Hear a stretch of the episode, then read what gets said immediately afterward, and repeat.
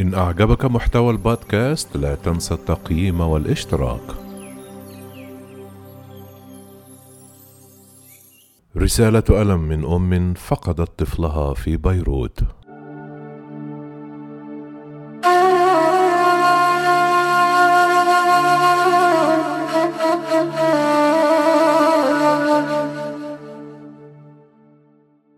رسالة من أم مصدومة إلى طفل فقدته في انفجار بيروت. سأبقى أحبك بكل ذرة من كياني وناضل لمحاسبة من قتلك. في دقيقة واحدة حدث كل شيء بسرعة.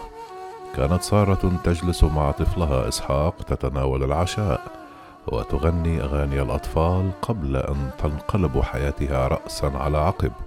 وكأنها في فيلم هوليودي تشارك في تمثيل أحد مشاهده القصة بدأت في الساعة السادسة والدقيقة الثامنة مساء الرابع من أغسطس آب الماضي حيث دوى انفجار هائل في العاصمة اللبنانية بيروت.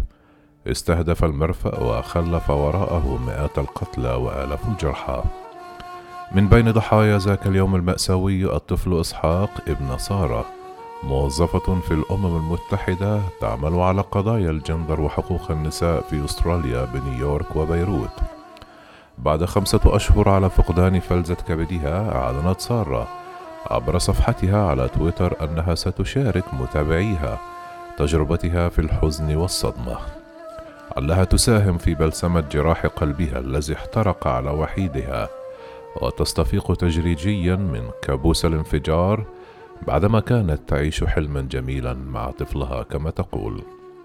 لا تزال الأم ترفض استيعاب ما حصل معها في الرابع من أغسطس المنصرم حيث باتت جزءا من هذا التاريخ اللبناني المأساوي بعد فقدانها طفلها ابن الثمانية عشر شهرا وهي تعيش في حالة متواصلة من التنافر المعرفي.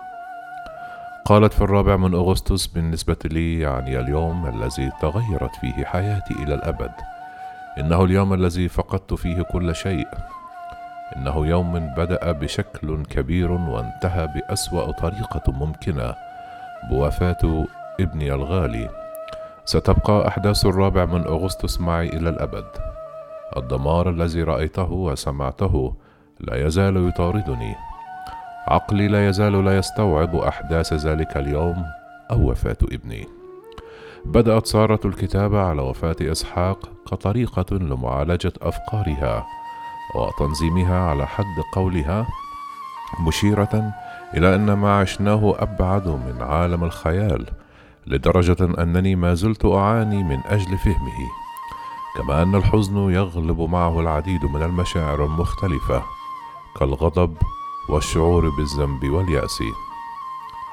قائلة تساعدني الكتابة في التعامل مع هذه المشاعر المختلفة كما أنه يمكن أن يكون لها تأثير أكبر بحيث تساعد الناس على عدم نسيان ما حدث في بيروت في الرابع من أغسطس وتذكرهم بوجود وجوه بشرية وراء المأساة.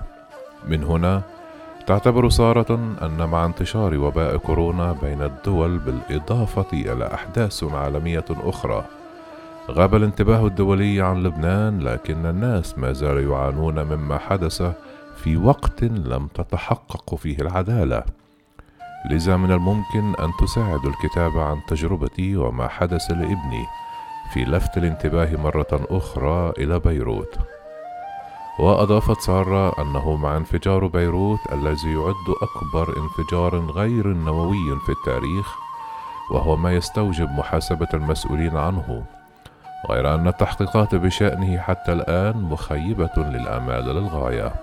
وتابعت أن السلطات اللبنانية قالت في البداية أن التحقيق سيستغرق خمسة أيام لكن بعد أكثر من خمسة أشهر لم يتم التوصل إلى نتيجة. وبدلا من ذلك نرى السلطات تحاول تقييد نطاق التحقيق وتجنب المساءلة.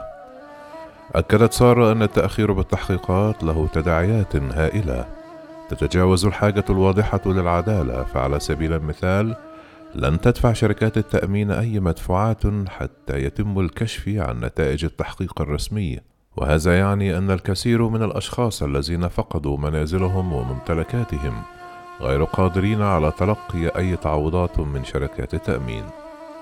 وبناء على ذلك كشفت سارة أنها تعمل مع مجموعة من أهالي الضحايا الذين يطالبون بإجراء تحقيق مستقل وحيادي وشفاف من أجل ضمان العدالة للضحايا على أفضل وجه.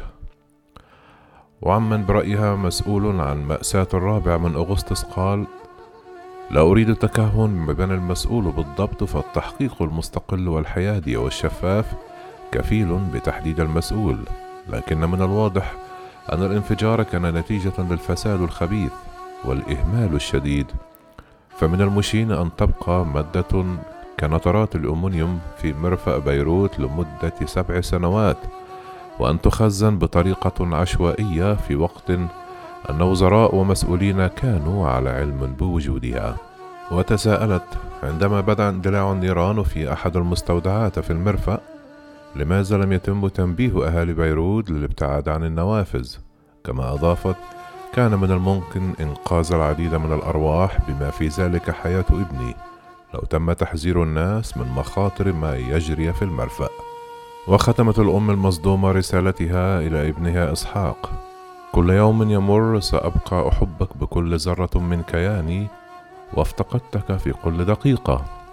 آسفة يا ابني لأنني لم أستطع حمايتك لكنني سأستمر في النضال من أجل العدالة لضمان محاسبة أولئك الذين قضوا على حياتك.